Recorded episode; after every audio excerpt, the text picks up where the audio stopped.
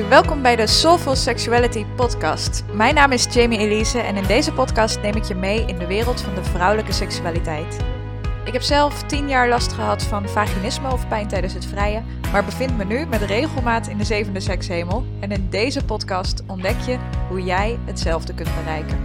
Want seksueel genot is je geboorterecht en dat hoeft niet gefaked of genegeerd te worden. Hey, superleuk dat je weer luistert naar een nieuwe aflevering van de Soulful Sexuality podcast. Ik heb ontzettend veel zin in deze aflevering, want vandaag is niemand minder te gast dan Shaina. Shaina is toegepast psycholoog en met haar bedrijf Empowerment zet ze zich in voor iedere vrouw en menstrueerder die hun kennis over hun eigen lichaam willen vergroten. En dat is iets waar we volgens Shaina allemaal recht op hebben en wat we volgens haar in de eerste plaats doen door taboes te doorbreken en kennis te vergroten. En als er iets is wat China doet, dan is het wel taboes doorbreken. China, ik weet nog dat ik um, een tijdje geleden een post van je voorbij zag komen op Instagram over korreltjes wc-papier tussen je vulvalippen.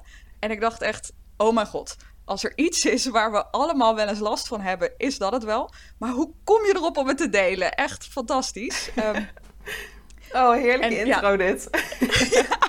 ik vond die post echt fantastisch. En ja, dit is natuurlijk ook maar een fractie van, van het prachtige werk wat je allemaal doet. En ja, ik kan niet wachten tot je al jouw kennis en ervaring met ons gaat delen. Dus ja, een ontzettend mega groot welkom bij de Soulful Sexuality podcast. Dankjewel. En uh, nou, ik zei het net al, echt een heerlijk intro. Ik, ik genoot er echt van welke woorden je allemaal gebruikte. Um, maar ja, de wc-papierkorreltjes tussen de, tussen de vulva-lippen. Um, het is eigenlijk gekomen met de Heb je ook maandag. Ik heb elke maandag op Instagram, uh, op de Instagram community, een, een vraagsticker in de, in de stories waar mensen anoniem vragen kunnen insturen. En dan kunnen andere kijkers kunnen daarop reageren met heb ik ook, want ik heb er ook last van, of uh, virtuele liefde. Dus dat je liefde stuurt naar de vraagsteller. En uh, een van de vragen die binnenkwam was de wc-papierkorreltjes. Wauw, ja, super mooi. Ja, het, het, het, eerste wat ik dacht was echt, ja, volgens mij heeft iedereen dit wel eens. En als je dat nog nooit hebt gehad, moet je misschien beter kijken of zo. Maar, ik, ja. maar hoe kom je erop om het te delen? Echt geweldig. Maar ja, ja we gaan het zo nog meer hebben over inderdaad, uh, heb je ook maandag en inderdaad hoe je daar taboes doorbreekt. Want dat is ook echt fantastisch. Maar ik wil je voordat we beginnen vragen om misschien iets meer over jezelf te vertellen. Uh, waar kom je vandaan? En ook hoe ben je in, in dit werk, of misschien in deze missie, is misschien een beter woord, uh, gerold? Hoe ben je erin terechtgekomen? Um, ja, je, je legt het eigenlijk al heel goed uit. Ik ben dus afgestudeerd als toegepast psycholoog en altijd in de psychiatrie gewerkt. En ik merkte al heel snel dat het heel erg uh, gericht is op de psychologie apart van het lichaam. Dus het zijn echt verschillende specialismes en er wordt ook niet heel veel uh, multidimensioneel naar gekeken, heel holistisch naar gekeken. En dat miste ik echt heel erg in mijn werk. Um, dus ik ben me toen zelf gaan verdiepen in bijvoorbeeld de invloed van voeding. Dus echt ortomoleculaire voedingsleer. Van wat voor invloed heeft dat op onze psyche? Um, en zo langzaam kwam ik ook op hormonen terecht. Um, nou had ik zelf ook best wel wat klachten. dat ik gewoon niet zo lekker in mijn vel zat. Dat ik toch wel wat onzeker was. Ik had geen zin in seks. Maar ook klachten zoals hormonale acne, mijn haar was futloos. Het was allemaal een beetje niet geen heftige klachten die me echt belemmerden in het leven. Maar wel klachten die altijd een beetje op de achtergrond bleven doorsluimeren. En toen ik me begon te verdiepen in hormonen en dat ook op mezelf begon toe te passen, besefte ik in één keer hoe gigantisch veel invloed die hormonen op ons hebben. En hoe gigantisch veel invloed de menstruatiecyclus op ons, ons als vrouw, als menstrueerder heeft. Um, en ik, ik, werd daar, ik werd er gewoon boos van dat daar niet dat dat niet verteld werd. Dat er in de biologielessen niet meer kennis over gedeeld werd. En dat onze hele maatschappij um, eigenlijk ingericht is op een mannelijk lichaam. En het menstruerende lichaam daar heel erg in vergeten wordt. Oh, wauw. Ik krijg helemaal kippenvel. Want dit is, dit is zo, voor mij zo herkenbaar. Dat inderdaad dat stukje geen heftige klachten, um, maar wel ja, ook niet je optimale leven leiden maar dat eigenlijk niet eens doorhebben, omdat we gewoon niet leren dat het ook anders kan. Wat je zegt, er staat niks in de biologieboeken. Um, je leert er helemaal niets over. En ik heb het idee dat dat ook de reden is dat, dat met name vrouwen heel vaak zoiets hebben van ja, nou ja, ik heb hier niet heel erg last van. Het zal er wel bij horen. Dat geldt natuurlijk voor pijn tijdens het vrijen. Dat geldt voor mhm. als inderdaad penetratie wel lukt, maar het gewoon pijn doet, zeg maar. Uh, maar inderdaad ook voor dit soort klachten. Een beetje futloos, uh, weinig energie, um, geen zin in seks. Dat je, ja, ik hoor heel vaak en ik zie het heel vaak om me heen en ik heb het zelf ook ervaren, dat je dan inderdaad maar zoiets hebt van, ja, zal er wel bij horen. Geen idee hoe het ook anders kan. Maar dat is ook de boodschap die we vanuit de maatschappij krijgen. Heb je last van menstruatiekrampen? Ah, hoort er nou helemaal bij als je menstrueert? Voel je, je inderdaad emotioneel futloos of instabiel? Ja, dat hoort er nou helemaal bij als je last hebt van je hormonen. Weet je, het, het wordt ook continu, mm. is het die boodschap die erbij gebracht wordt. En ook vrouwen onderling um, praten erover van, nou ja, die klachten heb ik ook. En hoe vaker je dat hoort om je heen, van, nou, dat heb ik ook. Ja, ik voel me ook futloos. Ja, ik ben ook vaak onzeker. Weet je, ik, uh, ik heb ook last van uh, menstruatiekramp of ik heb ook last van uh, pijn tijdens de seks. Hoe meer je gaat ehm, in je hoofd een, een, verbinding gaat leggen van nou dat zal wel normaal zijn, want mijn hele omgeving heeft het. Ja, ja, iedereen heeft het, dus het zal wel normaal zijn inderdaad. Ja. Hoog tijd dat we daar verandering in gaan brengen en daar gaan we in deze podcast hopelijk een, eh, een steentje aan bijdragen. Ja. Ehm, voordat we er echt echt helemaal in gaan duiken. Dit is natuurlijk de Soulful Sexuality podcast. En die is all about de reis van pijn naar pleasure. Maar pleasure is natuurlijk veel meer dan seks. En ik ben eigenlijk ontzettend benieuwd wat jou op dit moment in je leven pleasure geeft. Oeh, mooie vraag. Ehm, ja, wat mij pleasure geeft mijn werk is daar echt wel een heel grote, grote factor. En ik vind het echt geweldig om met andere menstrueerders, met andere vrouwen te kunnen verbinden. En dat geeft me echt pleasure in de zin van dat ik zie dat anderen steeds meer in kracht komen te staan door de kennis die er gedeeld wordt. En ook de Instagram community, dat mensen ook met elkaar contact leggen. Dat vind ik heel mooi om te zien. Ik geloof namelijk echt dat kracht ehm, ontstaat als we samen zijn. En helemaal menstrueerders dat de kracht ontstaat zodra we onze, nou, onze krachten letterlijk en figuurlijk bundelen. Ehm, dus dat brengt me echt pleasure. En ik merk ook dat het werken en ehm, vooral het werken vanuit de feminine energie. Dus ik probeer heel erg dus met mijn cyclus ehm, te integreren in mijn werk. Dus echt volgens mijn cyclus mijn werk ook in te plannen. En dat voelt zo powerful dat je gewoon je helemaal gaat samenwerken met je lichaam. En niet meer overgeeft aan een norm of een maatschappij. Maar volledig naar je lichaam luistert. En dat merk ik dat dat zowel mentaal als fysiek echt, uh, echt pleasure geeft in het leven. En dat dat uh, nou, opwindend is, niet per se op een seksueel niveau, maar dat het gewoon opwindend is om op die manier te kunnen werken en op die manier in je kracht te kunnen staan.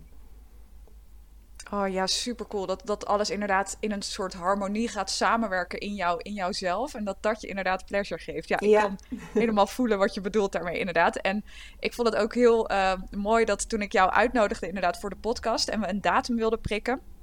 Toen uh, zei je iets waarvan ik echt vind dat het de norm mag worden. Uh, namelijk, mijn menstruatiecyclus is op dit moment wat onregelmatig. En ik plan dit soort afspraken graag in lijn met mijn cyclus in. Uh, vind je het goed als ik hier volgende week op terugkom? Ja. En ik dacht echt, wauw, kan, kan dit alsjeblieft het nieuwe normaal worden? Um, en ik, ja, ik, ik vroeg me ook af of je misschien kort zou kunnen omschrijven wat het inhoudt om te leven in lijn met je cyclus. En inderdaad ook kort iets over de verschillende fasen van je cyclus. Ja, hartstikke leuk om daarover uh, over te praten. Ik word daar heel enthousiast van als ik over praat, dus rem me vooral af. maar ja, de menstruatiecyclus. Um, ik, en dat merk ik ook in de, eh, de praktijk met de vrouwen waarmee ik werk, de meeste mensen denken dat de menstruatiecyclus bestaat uit menstrueren en niet menstrueren. Dat je gewoon twee verschillende fases hebt. En de meeste mensen vinden het niet menstrueren vooral heel erg leuk en het menstrueren wat minder. Um, maar in werkelijkheid, als je biologisch kijkt, um, bestaat de menstruatiecyclus uit vier verschillende fases. En ik vergelijk ze vaak met de seizoenen in de natuur. Dat wordt steeds meer, uh, gelukkig steeds meer gebruikt. Want het, het, is best wel een goede vergelijking, uh, omdat er best wel veel raakvlakken zitten. En de seizoenen in de natuur kennen we allemaal. We kennen allemaal de winter, de lente, de zomer en de herfst. We weten wat dat ongeveer inhoudt. Als je kijkt naar de menstruatiecyclus, is de menstruatie vergelijkbaar met de winter. Dus dat is een fase waarin je wat meer terugtrekt, waar je lichaam daadwerkelijk meer behoefte heeft aan warmte.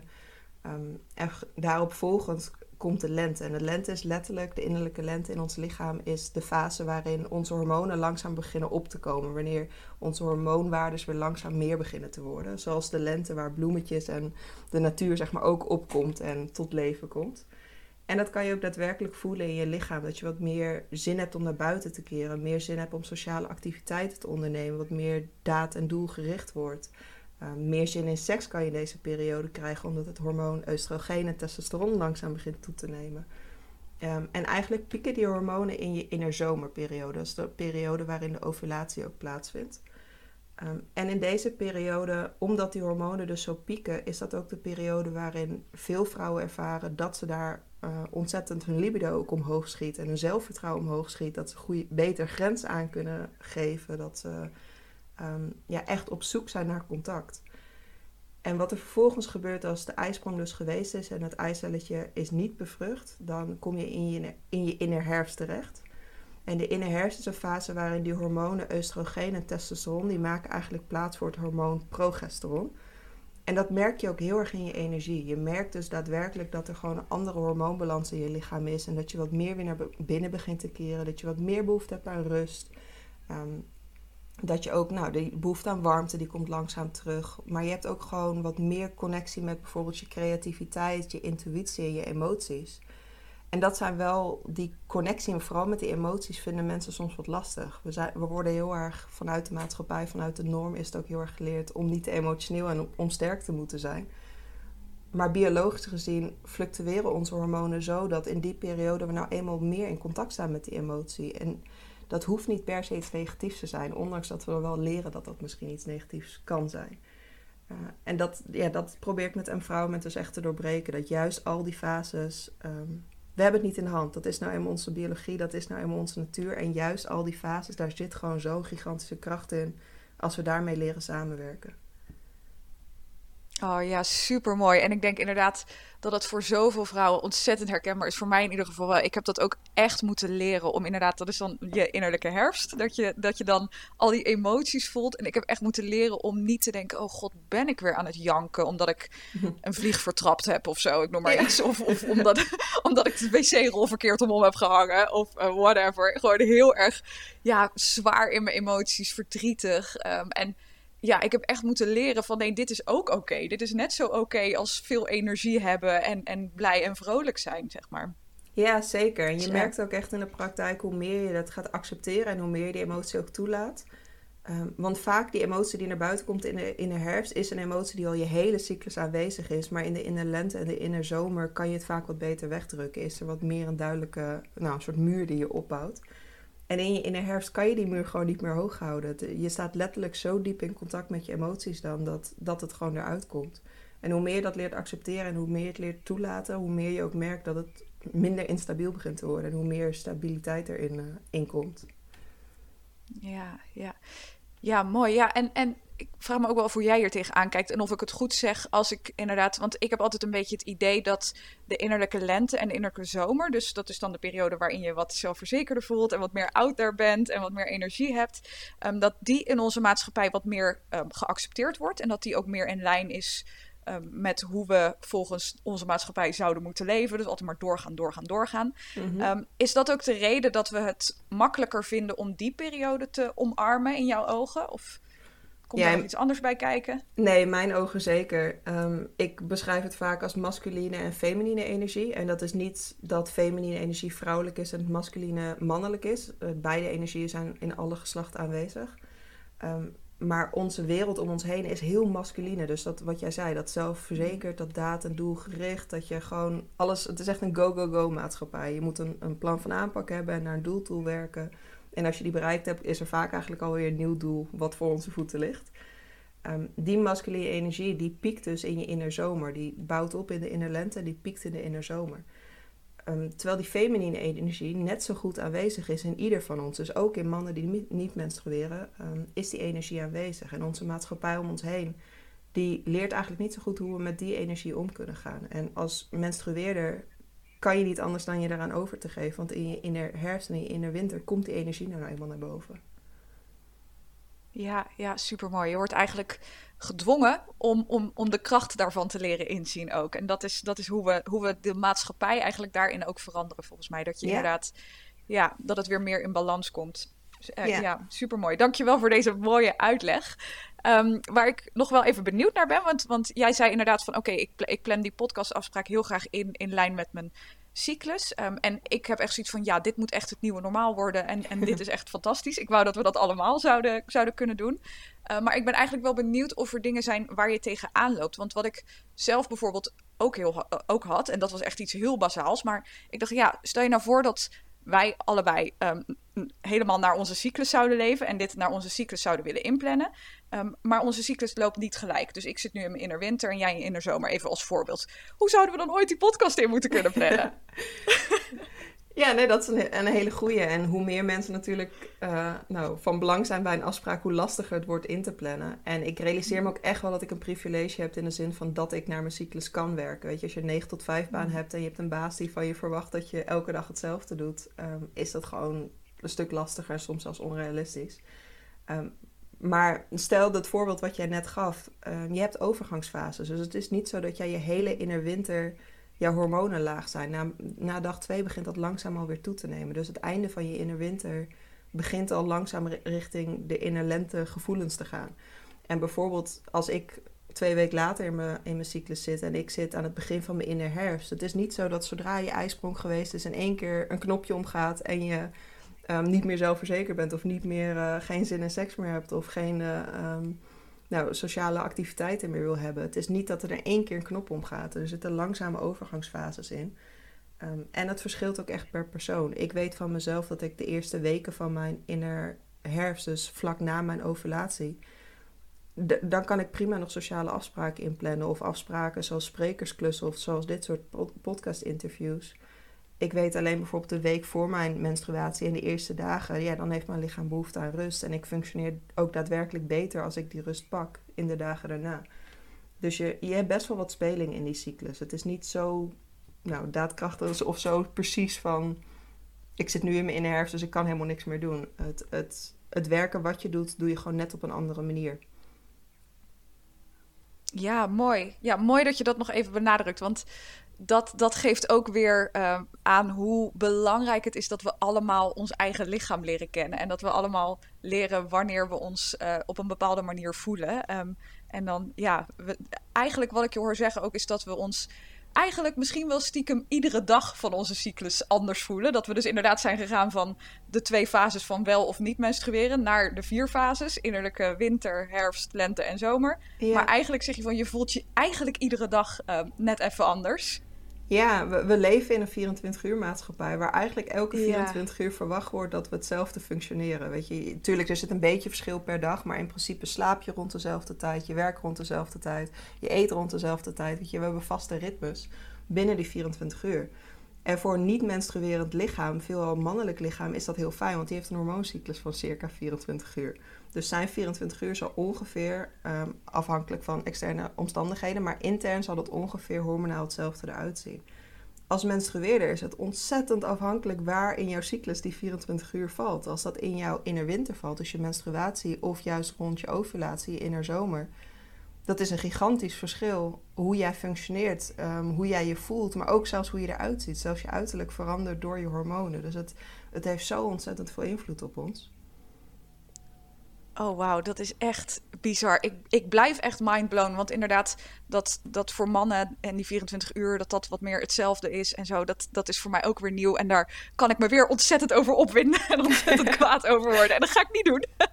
maar ja, oh, ook zo mooi wat je zegt over je uiterlijk. Want dat zit dus niet alleen tussen je oren. Want ik heb altijd het idee dat ik, als ik rond mijn ovulatie in de spiegel kijk, dan denk ik zo, nou, je mag er best zijn. ja, nee. Het, en inderdaad, ja, tijdens menstruatie is dat toch meer, uh, ja, laat maar zitten. Ja, dit, dit, is heel herkenbaar voor velen, denk ik, inclusief mezelf. Maar uh, ja, het is en een stukje psychologisch, dat je gewoon daadwerkelijk meer zelfvertrouwen hebt rond je ovulatie, rond de innerzomer. Maar je hormoon oestrogeen piekt ook. En wat oestrogeen doet, is dat het lichtjes vocht vasthoudt. En doordat het vocht vasthoudt, zijn je borsten bijvoorbeeld net wat voller en net wat meer gelift. Um, je rimpeltjes in je gezicht nemen net wat meer af. Uh, er zijn allemaal hele kleine subtiele dingetjes die er net anders uitzien. En wat wij, als, als je elke dag in de spiegel kijkt, zie je het niet eens. Maar er is een wetenschappelijk onderzoek gedaan waar er alleen een foto van het gezicht uh, werd, liet laten zien aan respondenten, aan testpersonen. En die foto's van het gezicht zaten vrouwen tussen die uh, in hun ovulatiefase zaten en vrouwen die dus niet in de ovulatiefase zaten. En die moesten beoordeeld worden op aantrekkelijkheid.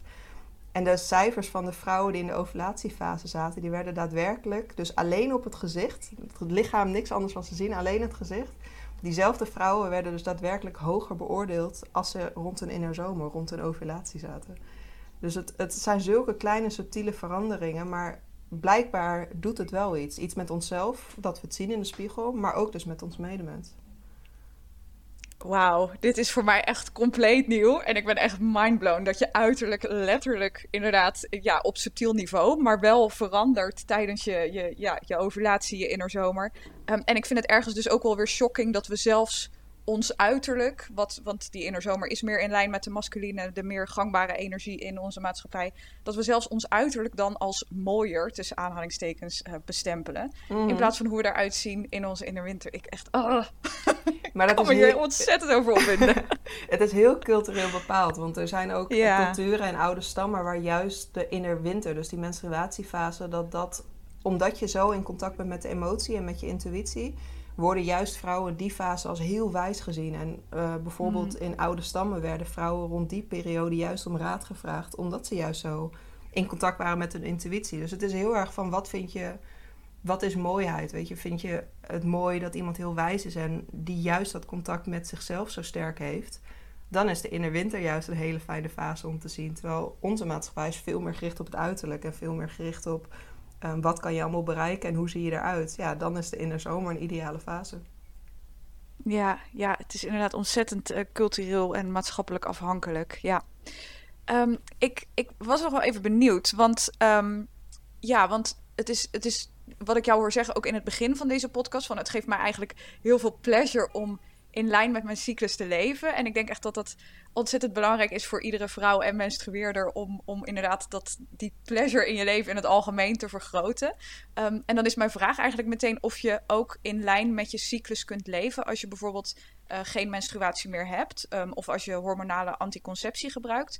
Um, en ook in hoeverre dat volgens jou nog steeds belangrijk is. Als je dus geen menstruatie meer hebt of minder die hormonale pieken en dalen hebt. Ja, uh, ja, het is, het is zeker belangrijk. Um, wat je ziet gebeuren is dat heel veel mensen bijvoorbeeld naar de maan kijken. En dat doen we ondanks dat we niet per se weten dat de maan en de menstruatiecyclus. Um, ik denk dat het heel nieuw is wat ik nu ga zeggen, maar dat de maan en de menstruatiecyclus verbinding met elkaar hebben. Dat weten heel veel mensen niet. Maar toch zie je dat best wel veel en veel al vrouwen bijvoorbeeld volgens de maan gaan leven. Dat ze in één keer toch wel het stiekem wel interessant vinden wat die astrologie doet en wat de, de volle maan en de nieuwe maan betekent. En oh, ik heb weer slecht geslapen. Oh, het was volle maan.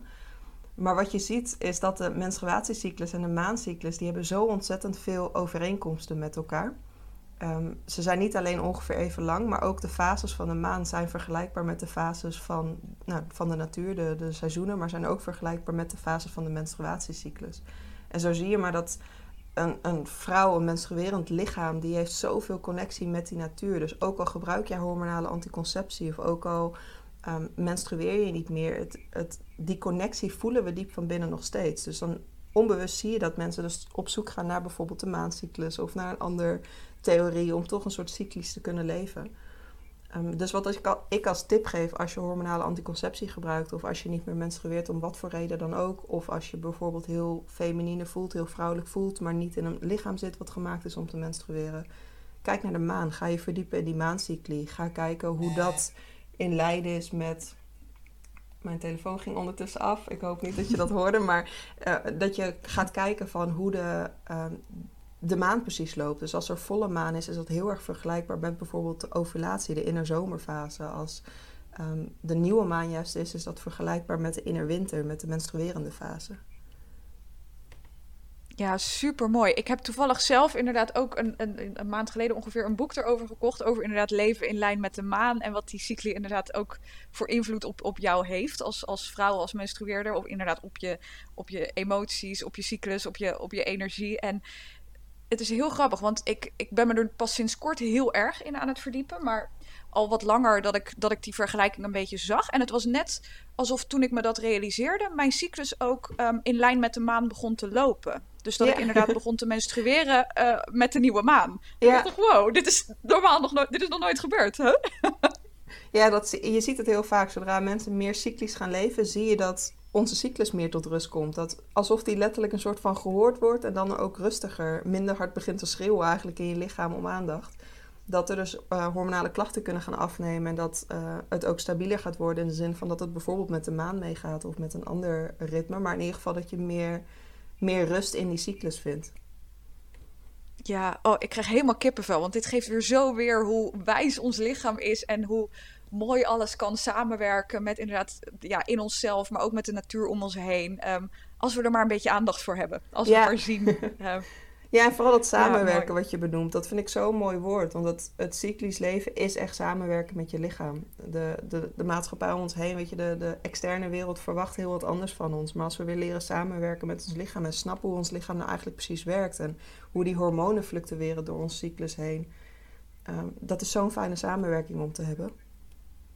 Ja, ja, mooi.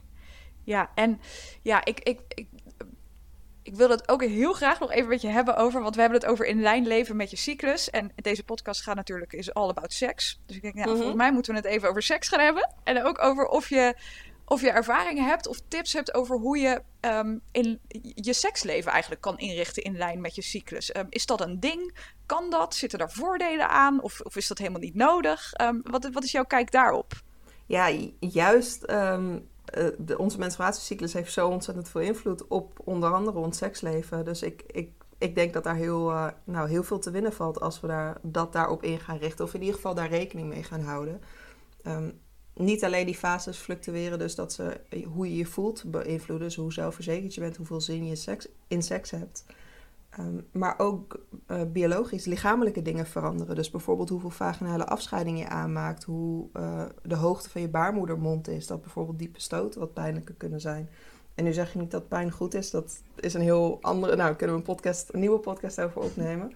Maar um, het beïnvloedt wel je seksuele ervaring. Het beïnvloedt wel hoe, hoeveel zin je in seks hebt. Dus het psychologische stukje. En het beïnvloedt ook nog eens een keer het lichamelijke stukje daarin. En wat er allemaal eigenlijk rondom de vagina, rond de vulva en de baarmoeder gebeurt. Dus dat, uh, ja, dat, ik ben een groot voorstander om daar rekening mee te houden, ook in je seksleven. Ja, mooi. Ja. En uh, heb je misschien ook tips hoe je dat kan doen? Want wat is, want ik, wat ik in mezelf bijvoorbeeld merk, is dat ik, en dat zeg jij ook, uh, al, zie ik jou ook altijd zeggen op Instagram, dat tijdens je ovulatie of, of je innerlente dan ineens vet veel zin in seks. Mm. Um, en daarna eigenlijk wat, wat minder. Nou, blijf maar gewoon lekker van me af. Of hooguit een beetje knuffelen. Ja. Um, heb, heb, je daar, heb je daar tips voor? Hoe je hoe je dat misschien wat, wat kan inrichten. En ook hoe bespreek je dat met je partner, bedenk ik me nu ineens. Van ja, sorry schat, ik heb echt geen zin, want het is mijn innerlijke herfst en laat me met rust. Nou, juist om het zo te kunnen bespreken, kan heel fijn zijn voor partners ook. Ook als ik even kijk naar mijn eigen ervaringen met mijn eigen relatie. Um, het doet mijn partner heel goed dat als ik een keer geen zin heb, dat hij snapt van, oh, dat heeft te maken met haar cyclus. En dat hij ook van bij voorbaat al weet van, oh, je gaat nu je inner herfst in. Um, als we iets seksueels gaan doen, als, we, als hij seks zou willen hebben met mij, heb ik een andere manier van aanraking nodig dan dat ik dat heb bijvoorbeeld in mijn innerzomerperiode. Ik zit in een hele andere energie, ik heb hele andere behoeftes. Wat jij zei, ik ben wat meer knuffelig, ik heb meer behoefte aan gewoon liefdevolle aanrakingen. Um, dus juist voor een partner kan dat heel fijn zijn om gewoon te weten van in welke fase zit ze en wat betekent dat ook voor haar. Um, het is wel heel afhankelijk per persoon. Het is heel afhankelijk ik, nou, ik herken me heel erg in wat jij zei van de inner herfst ben je wat meer knuffelig. Maar er zijn ook mensen die veel meer, um, juist meer behoefte bijvoorbeeld aan seks hebben in de inner herfst. Omdat ze heel erg het fijn vinden om juist die overgave te voelen aan een partner. En dan niet letterlijk overgave dat je gaat liggen en um, alleen maar pleasend bent voor je partner. Maar juist de overgave dat je volledig kan vertrouwen op een partner. Dat hij een leidende rol neemt bijvoorbeeld in seks. En dat kan voor sommige mensen juist heel fijn zijn om dus in de inner herfst seks te hebben. Uh, omdat ze dan veel meer in een, een, energie zitten, dat ze zich ook durven over te geven aan een, een leidende partner bijvoorbeeld. Um, dus mijn grootste tip hierin is: leer je cyclus kennen. Ga je cyclus bijhouden. Leer in welk seizoen je zit. Wat die seizoenen voor jou persoonlijk betekenen. Er zijn wel lichamelijke en biologische um, hormoonfluctuaties die voor iedereen hetzelfde zijn. Maar hoe jij daarop reageert als persoon is nog steeds heel erg afhankelijk. Um, dus ga je cyclus bijhouden. Ga kijken in welk seizoen je zit ik toevallig, en dat is een beetje spoiler, ik heb het nog eens op mijn eigen platformen gedeeld, maar er komt een e-book aan bij een vrouw met om je cyclus te leren trekken. Um, waar een hele duidelijke informatie ook komt te staan. Hoe je weet in welke fase je zit, hoe je weet um, welk seizoen je zit. En vooral ook hoe je dat dus continu bij je lichaam kan gaan bijhouden. In welk seizoen je zit zonder grote aanpassingen te maken. Ah, spoiler alert. Ik kan niet wachten op het e-book. ik, hem downloaden. Super cool. Want inderdaad, Oh, wat ik ook altijd zeg, en dat geldt ook over je cyclus, maar ook over je seksualiteit. Wees nieuwsgierig. Bestempel het niet meer als gek of raar. Of waarom voel ik me zo? Waarom denk ik zo? Waarom heb ik hier wel of geen zin in? Wees nieuwsgierig. En dat, probeer dat ook zonder oordeel te doen. Ja, heel mooi. Inderdaad, echt kijken. Ja, echt, echt kijken naar, naar wat, wat, ja, wat, wat voel ik, wat wil ik, wat wil ik wel, wat wil ik niet. En ga daar ook maar voor staan. In plaats van je bijvoorbeeld schuldig te voelen dat jouw partner je inderdaad in je innerlijke herfst op een manier aanraakt die op dat moment niet prettig voor je voelt. Ga er ook maar op een liefdevolle manier voor staan. Naar jezelf en naar je partner. Ehm, dat je op dat moment behoefte hebt aan iets anders. In plaats van wat we volgens mij allemaal wel eens gedaan hebben of nog steeds doen. Oh god, ja, nee, dit is hartstikke lullig. Laat ik er maar gewoon in meegaan en uh, dan zal het vanzelf wel goed komen. Ja, zeker. En helemaal als je kijkt naar je cyclus als je ook nog eens een keer bijvoorbeeld iets lekker vindt in je in de zomer en het niet meer lekker vindt in je herfst, nou dan durven mensen dat bijna niet meer te zeggen. Want nou, vorige week vond ik het nog lekker en moedigde ik mijn partner juist aan om door te gaan hiermee. Dus het, het kan ook heel verwarrend voor jezelf zijn om in één keer te beseffen: oh, ik vind het helemaal niet meer fijn eigenlijk wat een ander nu doet. En dan kan het best wel veel acceptatie geven als, als je doorkrijgt van hé, dat heeft met mijn cyclus te maken. Um, ik weet gewoon dat ik volgende week weer andere behoeftes heb dan de week daarvoor. Oh ja, zo mooi. En zo mooi om je dat inderdaad te realiseren. Weet je, je bent, je bent niet van steen. Je bent geen mm. robot. Um, je, je, seksualiteit is ook niet, is, is geen computerprogramma. Uh, het mag veranderen. Het, ja, uh... nou gelukkig. Het, het, is ook ontzettend leuk om daarmee te kunnen experimenteren. En om te kijken nou, wat voor invloed je menstruatiecyclus er bijvoorbeeld op heeft. Of de cyclus van de maan of wat voor cyclus dan ook. Ja, ja, inderdaad. Ja, als, je, als je er maar even bewust van bent. En ik ben ontzettend blij en dankbaar dat jij daaraan, uh, daaraan bijdraagt aan die bewustwording. Want het is zo ontzettend belangrijk. Um, in, in dit kader was ik ook nog wel even benieuwd. Want wat ik, wat ik zelf ook wel eens met cliënten bespreek, is dat um, vrouwen over het algemeen um, in meerdere mate dan mannen een bepaalde stimulans nodig hebben om opgewonden te raken. Dus om echt zin te krijgen in seks. Waar mannen um, over het algemeen, en het is heel globaal gesproken, maar ik zeg het mhm. toch op die manier, um, vaak wat meer uh, spontaan zin in seks kunnen krijgen ook. Die zien een vrouw of hun vrouw en ik zo, nou kom maar door hoor. Ja. Um, en daar hebben vrouwen toch, ja, toch over het algemeen iets meer nodig. En ik was eigenlijk wel even benieuwd naar jouw mening over het hele fenomeen zin maken. Van je, je kan zin maken en het, het is oké als, je, als je even geen zin hebt, maar ja, dan, dan kan je het wel maken en dan komt het allemaal wel goed. En uh, ja, wat, wat, is, wat is jouw kijk daarop? Oeh, interessante. Um, ja, het is heel erg uh, afhankelijk van de context natuurlijk. Afhankelijk wat je zei. Het is uh, heel algemeen hoe we het nu bespreken. Het is natuurlijk heel afhankelijk van per persoon, per situatie. Maar zin maken, er zit ook wel een gevaarlijke kant aan. In de zin van dat um, vrouwen en mensgeweerders heel erg geneigd zijn om te pleasen. En te pleasen in de zin van in het, dagelijks leven dat we een wat meer zorgende rol hebben. Dat we soms gewend zijn zelfs om onszelf weg te cijferen om een ander maar te pleasen. En dat kan een kind zijn, een partner zijn, vrienden zijn, maar om een ander het leuk te maken of fijn te maken.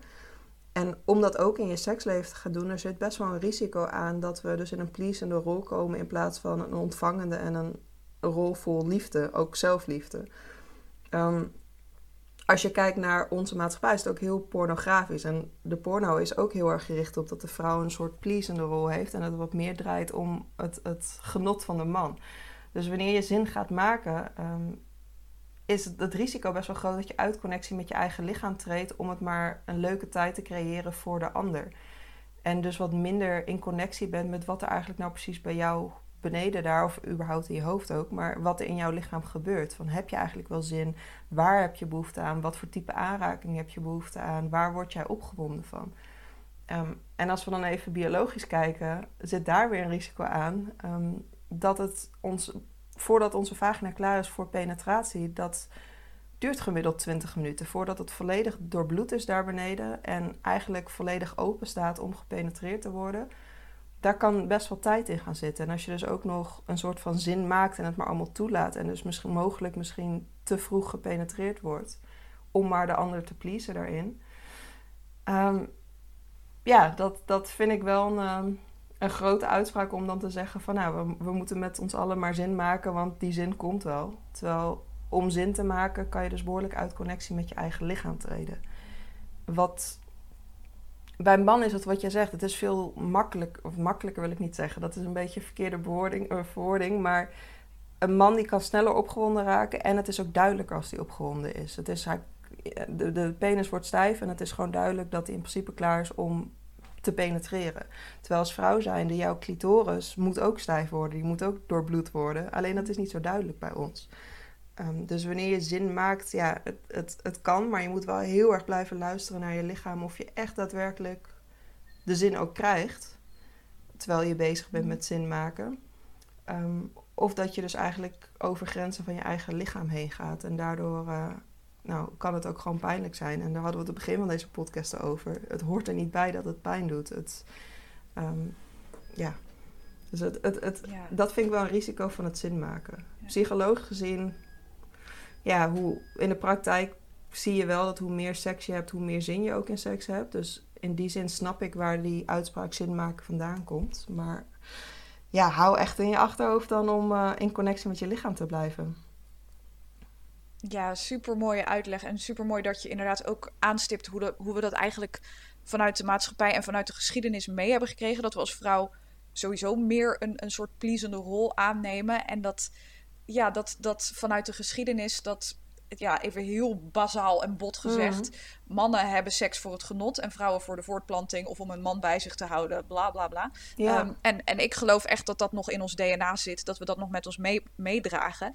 En dat dat dus het gevaar ook met zich meebrengt. Ehm, dat, dat we inderdaad maar seks hebben omdat we bang zijn dat hij het anders buiten de deur gaat zoeken.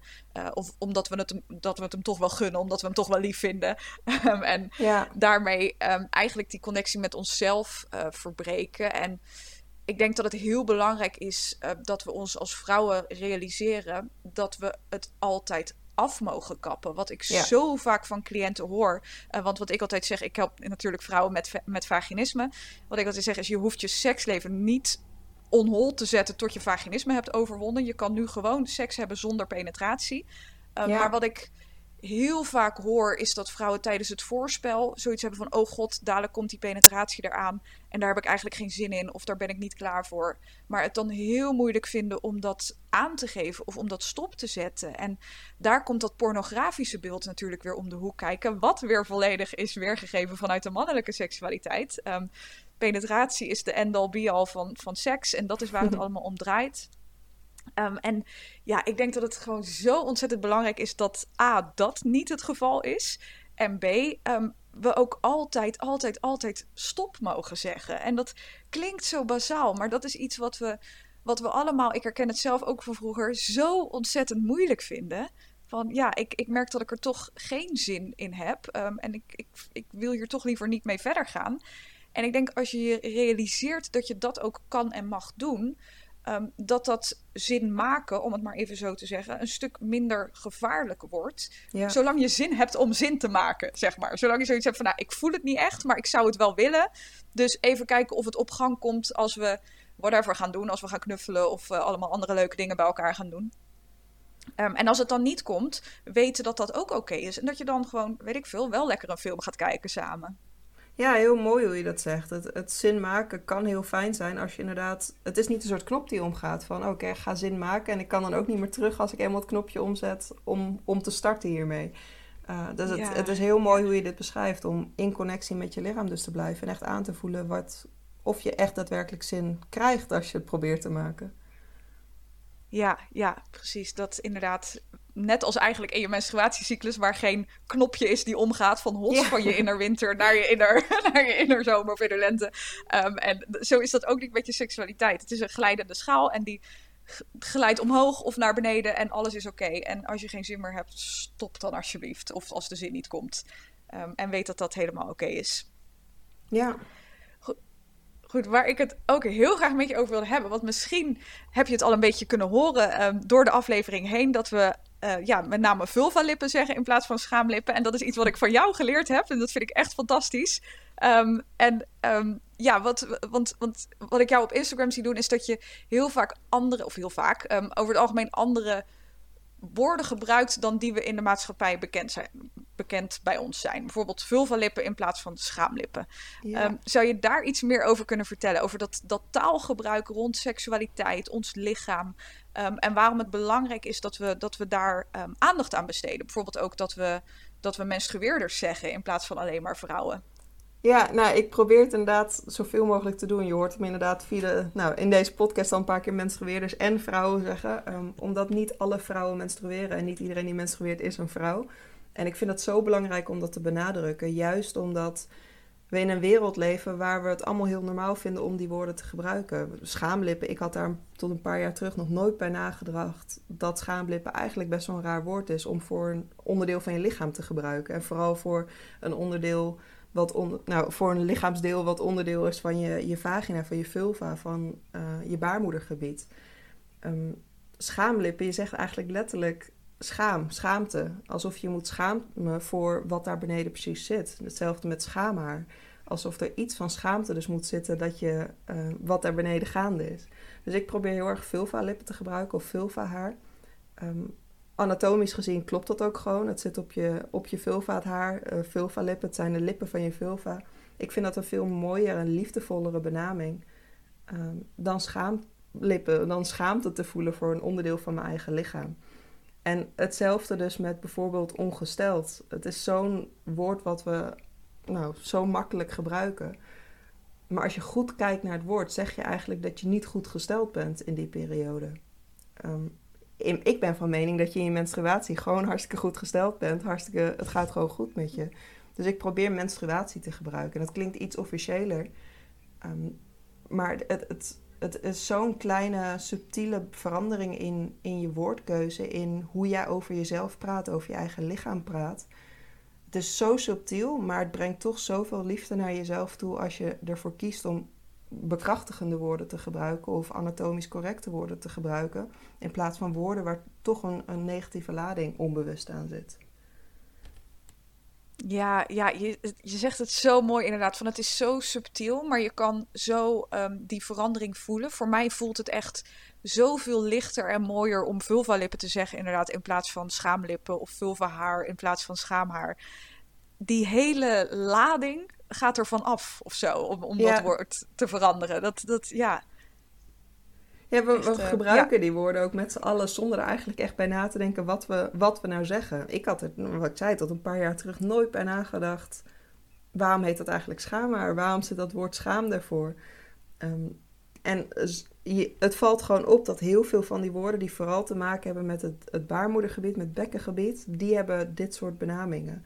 Als je kijkt naar het woord vagina bijvoorbeeld, als je helemaal teruggaat naar de geschiedenis van het woord, betekent het letterlijk scheden voor het zwaard. En als je even kijkt naar het zwaard, dan wordt het gezien dat de penis een soort mannelijk zwaard is en dat de vagina dus een soort schede is, een soort opvang voor het mannelijk zwaard. Ik ben dus ook niet zo'n fan van het woord vagina. Ik gebruik hem nog wel, omdat het gewoon lastig is om daar een ander woord voor te verzinnen wat uh, gelijk begrepen. Weet je, veel van lippen wordt begrepen als je dat zegt. Vagina is wat lastiger om daar een ander woord voor te verzinnen. Maar heel veel, mijn punt wat ik wil maken is dat heel veel van die woorden die juist met dat gebied te maken te hebben, daar hangt best wel wat schaamte omheen, daar hangt best wel wat negatieve lading omheen, daar hangt best wel um, onbewust dus best wel wat negatieve sfeer eigenlijk. Ja, ja, en dat, dat, dat kan je ook zo voelen. Weet je, woorden hebben gewoon een bepaalde lading. Um, en als je dat, dat hele gebied, wat jij ook zegt, inderdaad maar gewoon bestempelt als je schaamstreek.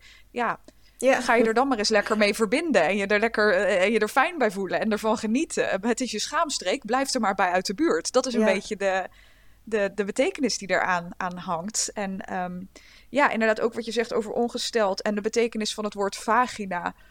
Oh, ook weer iets waar ik me ontzettend over kan opwinden. Dat ik denk, maar wat? Dat ook al? Nee. Ja, maar hetzelfde in, in, in de seks, als je kijkt naar seksuele benamingen, zoals voorspel. Dat is ook zo een, krom woord eigenlijk om te gebruiken. Wat jij net al zei, alsof penetratie het spel is. En alles wat je mm. ervoor doet een soort voorspel is voor daadwerkelijk het, het, het hoogtepunt van de gebeurtenis. Ik, eh, ja. ik, probeer dat dus ook te vermijden om het woord voorspel te gebruiken. Want seks is ook niet penetratie. Seks is ook, is ook dat voorspel. Alles wat je in het voorspel doet, is al het spel. Ja, ja wat, wat, wat mij betreft is inderdaad het flirten, het elkaar aankijken, mm. dat is al seks. Ja. Dat hoort er al bij. Daar ontspringt dat verlangen al. Dat is, ja, en inderdaad, die woorden als voorspel, naspel, ja, alles wat inderdaad voor en na de penetratie komt. Um, nou ja, we hebben het er inderdaad over gehad. Penetratie is geen seks en seks is niet, of tenminste niet alleen penetratie. Penetratie is een seksuele handeling als, als iedere andere. En die kun je wel of niet toevoegen aan je, aan je seksuele ervaring. En dat is ook iets wat ik altijd zeg. Ehm, of, of je nou wel of geen vaginisme hebt. Zodra je vaginisme hebt overwonnen en penetratie is dus weer iets fijns, iets prettigs, betekent het niet dat je dat vanaf dan altijd maar verplicht um, toe moet voegen aan je seksuele ervaring. Er zijn echt sapmomenten dat ik er gewoon geen zin in heb in die penetratie. En dan gebeurt het ook niet. Ah, heel mooi. Ja. Goed, ik heb dit, deze vragen, die komen eigenlijk uit een, uh, uit een onderwerp wat jij behandelt op Instagram. En daar hebben we het aan het begin van de podcast natuurlijk ook al even over gehad. En ik ben ontzettend fan. Uh, als je Shiner nog niet op Instagram volgt, ga dat alsjeblieft doen. We gaan zo nog even alles, uh, alle linkjes in de show notes zetten. En nog even goed uitleggen waar je jou allemaal kan vinden. Maar je hebt op Instagram een... Um, ja, hoe leg ik dat uit? Een, een, een onderwerp, een sectie, een... een, een Daar heb je ook maandag. En heb je ook maandag. Ja, En, uh, ja, dat, ja, dat doe je. En dat is echt. Daarin doorbreek je, nou, volgens mij alle taboes die er bestaan. Um, kun, je, kun je er iets meer over vertellen? Ik ben eigenlijk wel benieuwd hoe dat ontstaan is. Hoe ben je daar in vredesnaam opgekomen? Heb je ook maandag? Ja, leuk. Uh, ik had het op Instagram over period poop. Dat je, um, ja, de Nederlandse benaming is toch wat minder aantrekkelijk. Menstruatieontlasting. Of ik weet niet helemaal hoe ik het Nederlands goed moet laten klinken. maar het, het, ging er in ieder geval om dat je rondom je menstruatie um, door de hormonen weer last kan hebben dat je ontlasting anders is. Dus dat je uh, last hebt van diarree of dat je vaker naar het toilet moet. Um, dat het gewoon wat, wat sneller loopt door je darmen. En ik kreeg heel veel berichten al wel dat mensen zich afvroegen: Oh, fijn, weet je dat anderen dit ook hebben. Ik niet de enige ben. Het viel me al wel op, maar ik wist niet helemaal waar aan het lag. En het is een geruststelling dat ik niet de enige ben. En ik, ik kreeg toevallig een berichtje van een marketeer, Lin heet ze op uh, Instagram.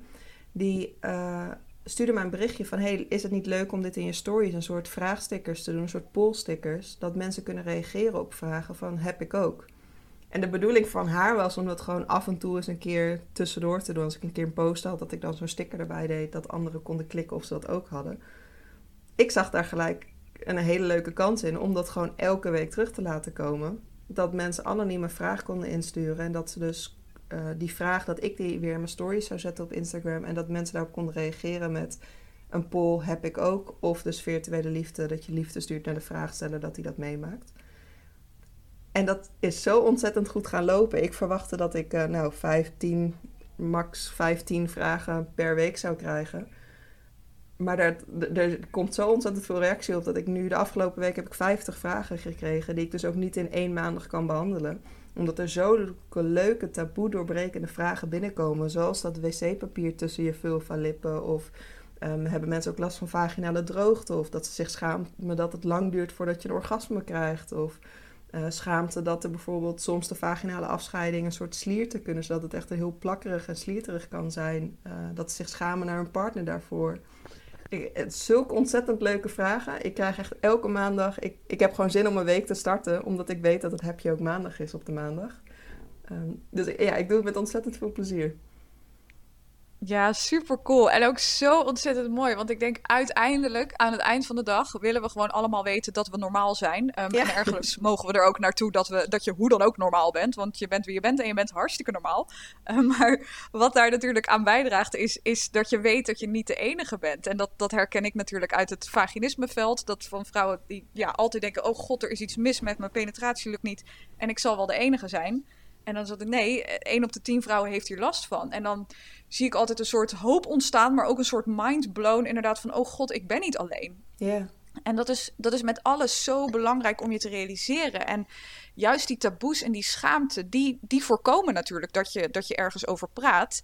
En ja, als niemand erover praat, weet niemand dat degene naast jou in de tram er misschien ook wel last van heeft. Ja. Um, en, en zo houden we die taboes in stand. Dus ja, ik vind het echt ontzettend mooi uh, een mooi thema op, jou, op jouw Instagram-account. En ik ben eigenlijk meteen ook wel even benieuwd. Wat, wat, wat is voor jou het meest, of, heb je een meest taboe doorbrekende vraag uh, die je bent tegengekomen? Dat je inderdaad dacht van wow, dit is inderdaad wel echt. Ja, voor mij was dat inderdaad de wc-papierkorreltjes tussen je vulvalippen. dat ik dacht, ja, dit hebben we allemaal. En dit is, ja, boem, taboe doorbrekend vet. Um, en ik was wel even benieuwd of je er zelf uh, ook eentje hebt die eruit springt, of misschien meerdere.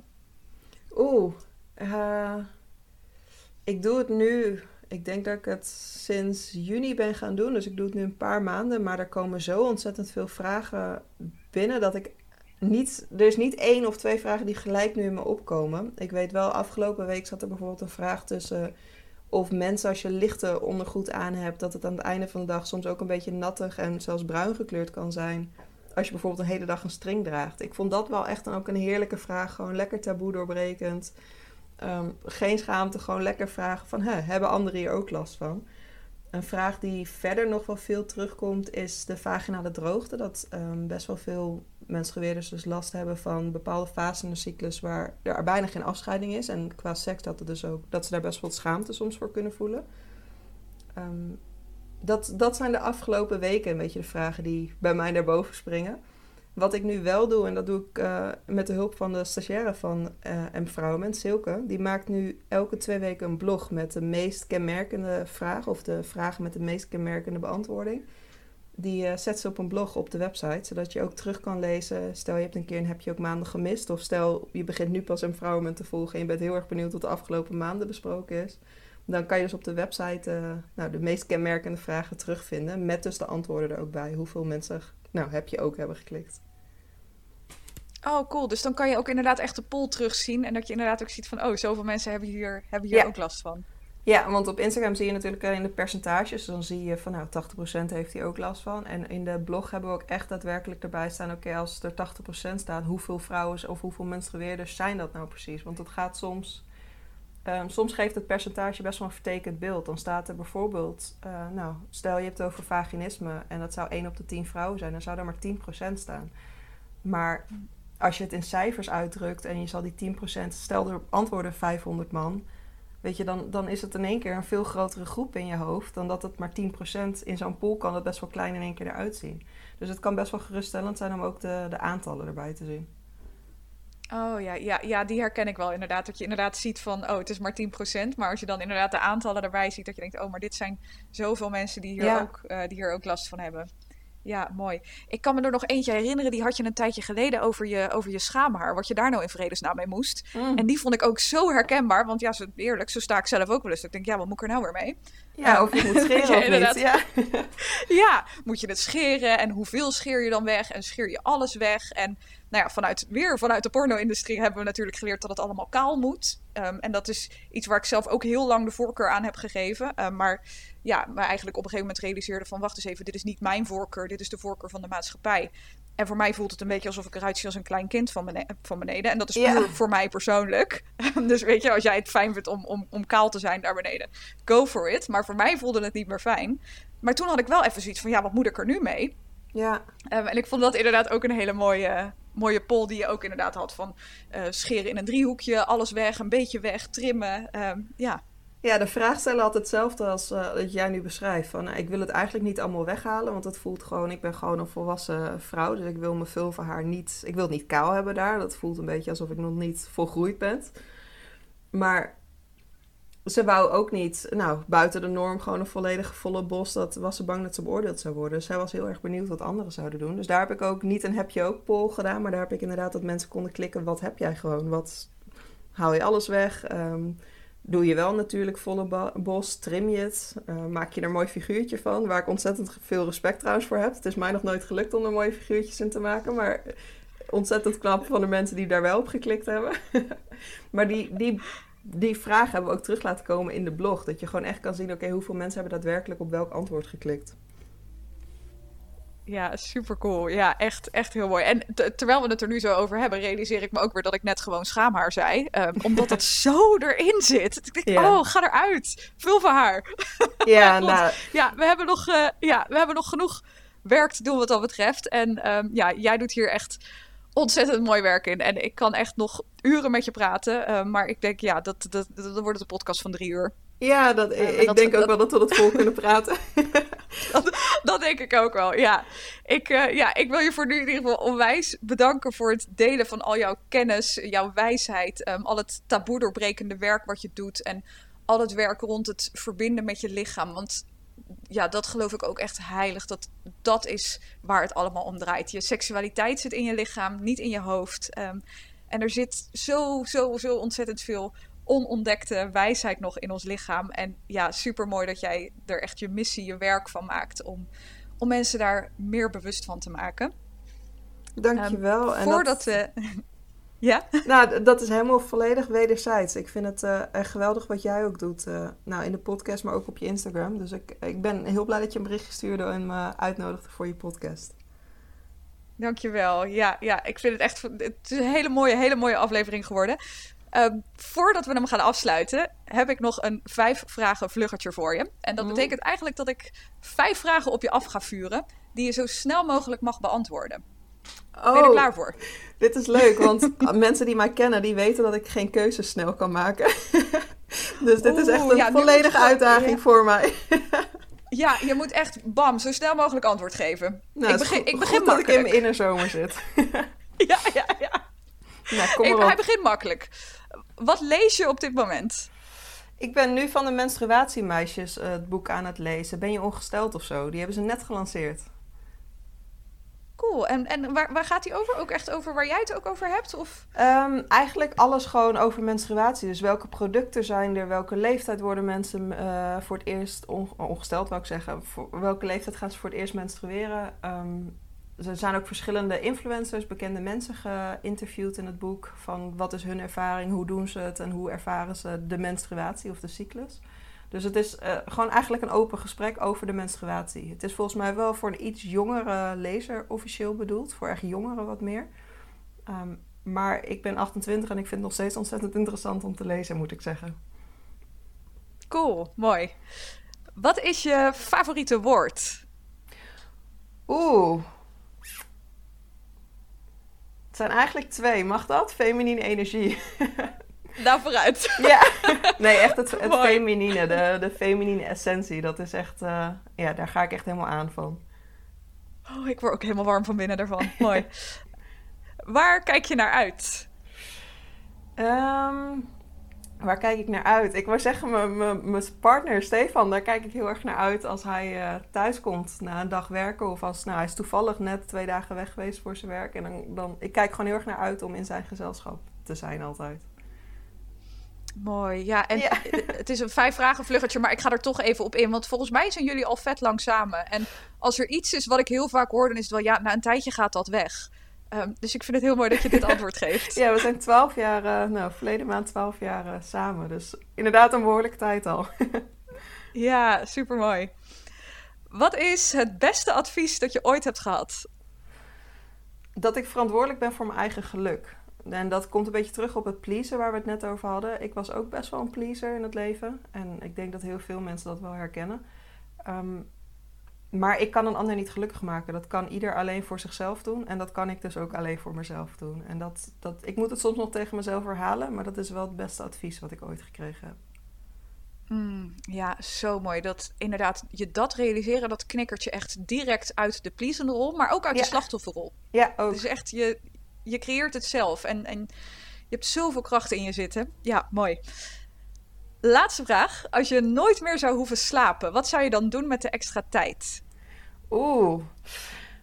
Ja, mijn werk. Ik, ik, ik zou nou, nog meer dingen ontwikkelen voor een vrouw met nog meer cursussen, nog meer e-books. Ik zou echt uh, nog meer mensen willen bereiken met deze informatie en nog meer menstrueerders in hun kracht willen, willen zetten. Want ik, ik haal daar zoveel energie uit.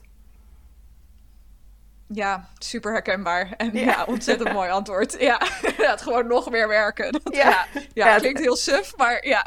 Ja, ik ben ook helemaal niet een type die zegt dat je over je grenzen moet gaan en te veel moet werken. Uh, ik, ik, neem ook echt mijn rust. Dus niet dat ik een soort workaholic ben, maar ik, ik haal zoveel plezier uit mijn werk. En daarin zou ik soms echt wel wat meer tijd willen hebben ja, dat is het. Hè? Dat, dat is iets. En, en daar ben ik zelf in. Naar die balans ben ik zelf ook echt nog wel op zoek. Maar ik denk altijd: oké, zolang mijn lichaam nog geen nee zegt. En inmiddels ben ik vrij goed in tune met mijn lichaam. denk ik, nou, dan kan ik nog wel even doorgaan. Ja. Uh, maar zodra inderdaad je moe voelt. Of inderdaad die inspiratie wegzakt. En dan jezelf daar ook weer niet voor veroordelen. Um, maar daar gewoon in meegaan, inderdaad. Ja, ja niks forceren. Gewoon uh, echt. Nou, die connectie met het lichaam weer. Waar we eigenlijk de hele podcast al over hebben.